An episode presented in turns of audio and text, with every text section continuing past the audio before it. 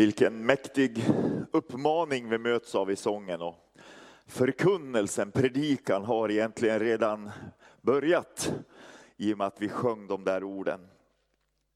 Jag tänkte utgå ifrån Johannes evangeliet, två delar där ur det tionde och det sjuttonde kapitlet. Och jag föreslår att vi reser på oss och så lyssnar vi på de här underbara evangeliska orden. Johannes 10 och 14 och sedan Johannes 17 och 20. Och jag tror att du ska kunna dra en slutsats om ungefär vad som är rubriken för vår predikan idag. Men vi läser i Jesu namn. Jag är den gode herden. Jag känner mina får och mina får känner mig, liksom Fadern känner mig och jag känner Fadern och jag ger mitt liv för fåren. Jag har också andra får som inte hör till den här follan. Också dem måste jag leda och de kommer att lyssna till min röst. Så ska det bli en jord och en herde. Johannes 17 och 20. Jag ber inte bara för dem utan också för dem som kommer att tro på mig genom deras ord.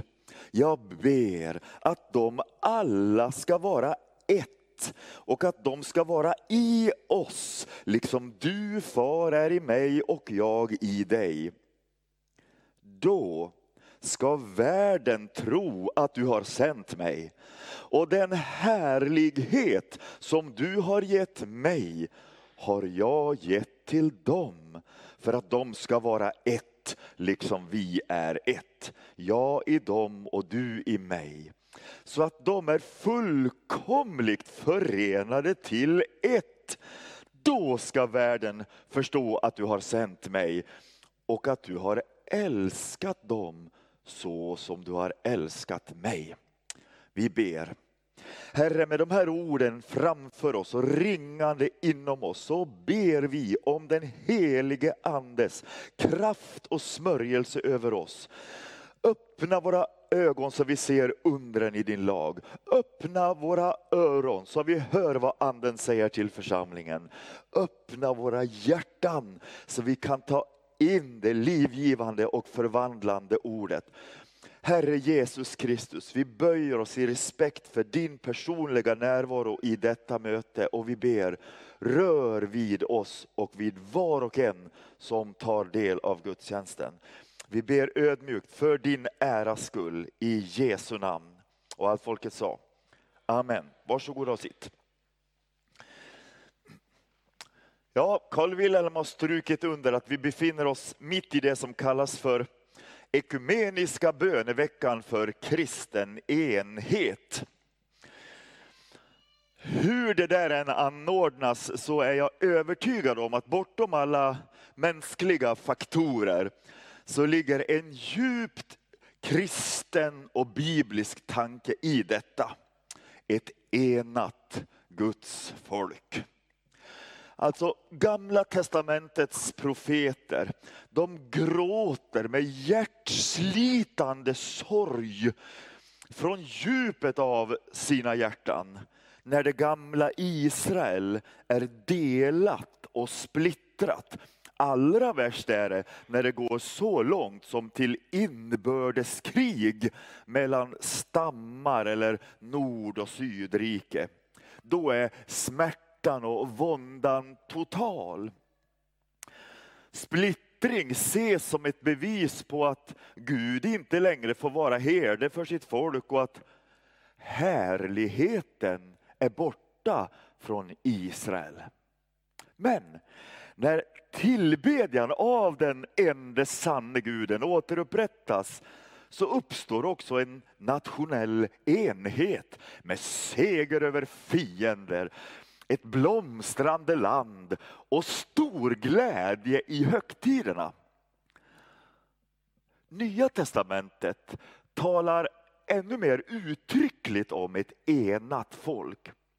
Hela treenigheten, men inte minst den helige ande intar en oerhört central roll där enhet i Jesus Kristus förkunnas. Paulus, han kan tala i enormt Jesus-centrerade termer om andens liv tills, eh, citat, vi alla når fram till enheten i tron och i kunskapen om Guds son. Och ibland är det bara rakt på sak, utan omsvep. Gör allt ni kan för att bevara andens enhet genom fridens band. En kropp och en ande och så vidare. Och så har vi Jesu egna ord som vi nyss läste. Och kring Kristi ord rör sig hela tillvaron. Ett budskap som inte har sitt ursprung i Jesus är faktiskt tomma ord. Och denne, denne underbara Jesus, vår älskade frälsare, mästare och Herre, har själv sagt det mest radikala som kan sägas om just detta. Enheten bland hans lärjungar. Att vi ska vara ett, liksom han och Fadern är ett. Oj, oj, oj. Delaktigheten i andens enhet, den ständigt enande rörelsen in mot djupare närhet till Jesus. Där Jesus blir mer och mer tydlig och dyrbar. Ja, den rörelsen är inget tillval, inget tillägg, ingen överkurs eller någonting man kan ha eller mista. Nej, nej, nej. Det går per definition inte att bli en kristen, alltså komma till tro, bli ett Guds barn, bli frälst, eller vilket uttryck du nu föredrar, utan att kallas in i den gemenskap som anden enar. I Bibeln existerar ingenting som kan kallas privatkristendom eller att vara kristen för sig själv eller på egen hand. Nej. Att gå individualismens väg, vare sig av okunnighet eller av någon teoretisk eller känslomässig anledning är faktiskt aldrig någonsin förenligt med Nya testamentets kristendom. Isolering, frånvaro, nedprioritering av gemenskap, församling och sammankomster är och förblir obibliskt och oandligt.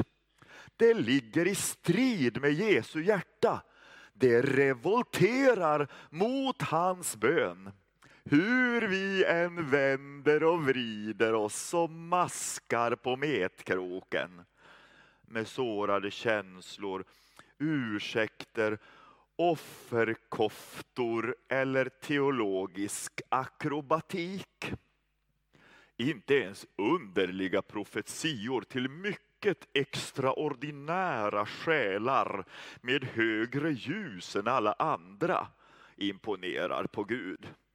Nej, varje kristen är och förblir av Kristus själv kallad in i en helig enhet. Manifesterad i den lokala församlingen och i relationerna församlingarna emellan. Missförstå mig inte. Jag vill med dessa ord inte uttrycka bristande respekt för sårade känslor och krångliga relationer. Inte alls. Herdesalmen har aldrig lovat, han leder mig på lätta vägar för sitt namns skull. Men den har lovat, han leder mig på rätta vägar för sitt namns skull. Men all mänsklig svaghet till trots, Kallelsen till enhet är grundläggande. Den är icke förhandlingsbar. Den går inte att komma runt eller ta sig förbi. Förr eller senare kommer faktiskt varje kristen, hur lysande argument hon än har lyckats producera och hur egensinnig hon än har varit, faktiskt att behöva kapitulera totalt för andlig enhet. Men Wiklund, hur kan du säga så? Du vet inte hur envis jag är. Det må vara vilken predikant som helst i världen. En överängel eller självaste treenigheten som förmanar mig. Jag kommer aldrig att prioritera enhet och gemenskap. Älskade vän, med all respekt för dina rädslor och sår så kan jag utan hårdhet och kaxighet säga, jo, jag vet att du kommer att kapitulera för det som Jesus ber om i sin bön i Johannes 17. Jag har nämligen läst hur det slutar. Därefter såg jag och se en stor skara som ingen kunde räkna av alla folk och stammar och länder och språk. De stod enade inför tronen och lammet, klädda i vita kläder och med palmblad i sina händer. Och de ropade med enad och stark röst. Frälsningen tillhör vår Gud som sitter på tronen och lammet. Uppenbarelseboken 7 och 9. Eller varför inte första Korintierbrevet 15 och 28. Och när allt har blivit lagt under honom, då ska sonen själv underordna sig den som har lagt allt under honom, så att Gud blir allt i alla. Där satt den. Och om Gud är allt i alla, då kan du vara säker på att enheten är lika definitiv i helig kärlek och frihet. Som att Herren vår Gud, Herren är en i helig kärlek och frihet. Det här är väldigt inspirerande hörni. Väldigt inspirerande måste jag säga. Det håller oss uppe när synd och trasighet vill resa hinder för oss på andens och kärlekens väg mot enheten i Kristus. Kristen enhet är, fastän det hackar och knackar på jorden och även om det ser mörkt ut, ja kristen enhet är faktiskt ett projekt, en dröm som inte kan misslyckas. Den kommer att bli verklighet. Vi är faktiskt ofrånkomligt på väg mot Jesu bönesvar. Och vet du, det är inget hot, utan det är ett underbart löfte. Jo, visst, kristen enhet byggs absolut på läromässig grund. Vi brukar tala om konsensus i tron. Det församlingen har kommit fram till och hållit fast vid ända sedan urkyrkan. Det finns bland annat i våra stora trosbekännelser. Och vi skulle nog också säga reformationen, då mycket av den urkristna lärogrunden återtogs. Vi vet att det finns lärosystem som avviker från detta så att det omöjliggör enhet. Jag skulle naturligtvis aldrig kunna enas på djupet av mitt kristna hjärta med människor som öppet förnekar Jesu gudom till exempel. Där sätter Gud gränsen och då gör jag också det. Men när detta är sagt skulle jag vilja föreslå i all anspråkslöshet att frånvaro, splittring och brist på andlig enhet för det allra mesta inte rör sig om lärofrågor. Utan det har med våra känslor, vår osäkerhet och vår otrygghet att göra. Det handlar om tillståndet i vårt inre, om läget i våra själar. Hörni, vi skulle inte behöva vara så splittrade. Så många delar i Kristi kropp skulle inte behöva vara så avskurna från gemenskapen. Jag menar att vi bedrövar den helige ande i onödan. Det finns nämligen två väldiga kraftresurser som Jesus lyfter fram när han ber och profeterar om vår enhet i honom. Vi har nyss läst om det. Det första är Jesu herdeskap. Det ska bli en jord och en herde. Jo, visst handlar detta om att judar och hedningar ska förenas. Men i ljuset av Johannes evangeliet kan vi på full effekt applicera detta ord också på all kristen rörelse mot enhet. Att Jesus får vara herde är den första stora och nödvändiga förutsättningen. Herden, vilket vackert och mäktigt tema. Han är både ledare och vårdare. Herde i Nya Testamentet är djupt förknippat med någon att följa. Det vi kanske skulle kalla för ett föredöme. Och med personlig omsorg. Där Jesus får bli modellen i allt och där vi vill följa honom. Och där han som herden får läka sina får, ta lammen i sin famn och stilla föra moderfåren fram som det står. Ja hörni, där ökar omedelbart rörelsen mot enhet. Hörde ni det? Där Jesus får vara herde, där ökar omedelbart rörelsen mot enhet. Får jag säga så här, vi helas till enhet. Är man inte enad med sig själv kan det ju vara svårt att enas med andra. Om man säger så. Jag behöver vara överens med mig själv först. Ja, jag vågar faktiskt gå ännu längre, säga, äh, ännu längre och säga, när individer helas så helas gemenskapen. Där herden släpps in i follan till läkedom för fårens själar. Där uppstår, uppstår till och med en helande gemenskap. En jord förutsätter en herde. Och det är faktiskt inte kapten e-, eller pastorn, även om vi ska vara en förlängning av överherdens tjänst. Nej, det är först och främst Jesus själv. Där Jesus får vara herde, ökar rörelsen mot enhet. Det andra Jesus frigör för att den här rörelsen mot enhet ska uppstå. Jag väljer som ni märker att kalla det för rörelse mot enhet. För att vi inte ska tänka oss att allt blir perfekt på en gång som genom ett trollslag.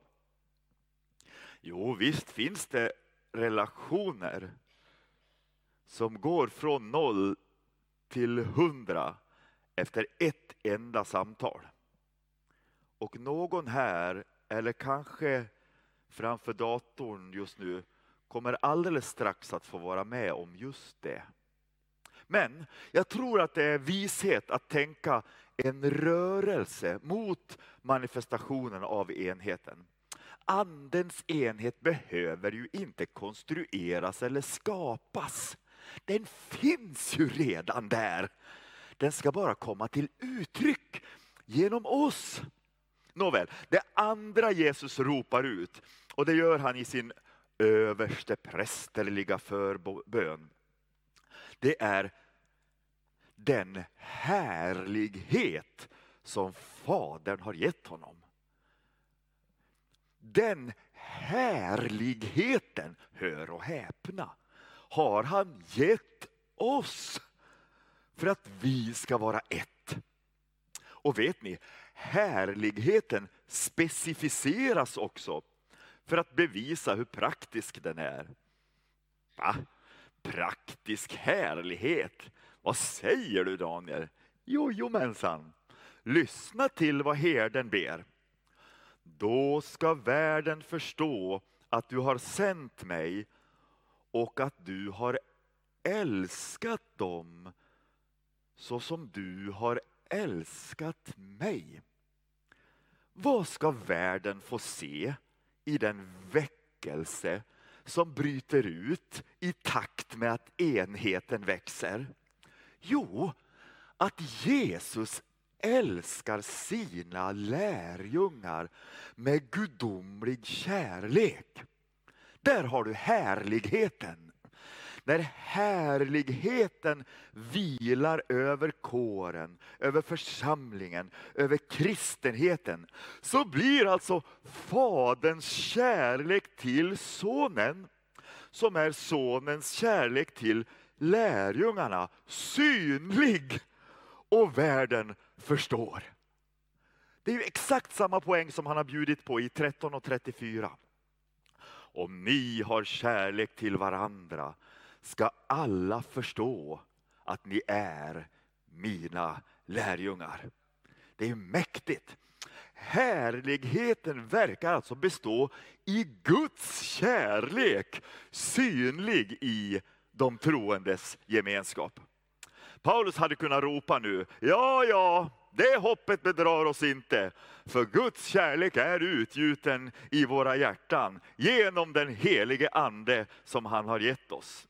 Och Petrus skulle ha nickat instämmande och säga, jo då, jag har kallat honom för härlighetens ande som vilar över dem. Halleluja!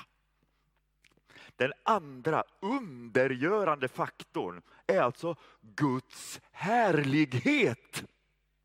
Det vill säga Guds kärlek manifesterad. Och den fördriver all fruktan ur våra hjärtan. Så att vi befriade kan förenas och bli ett. Herden och härligheten. Och till sist, det handlar inte om känslosvall. Snarare tvärtom.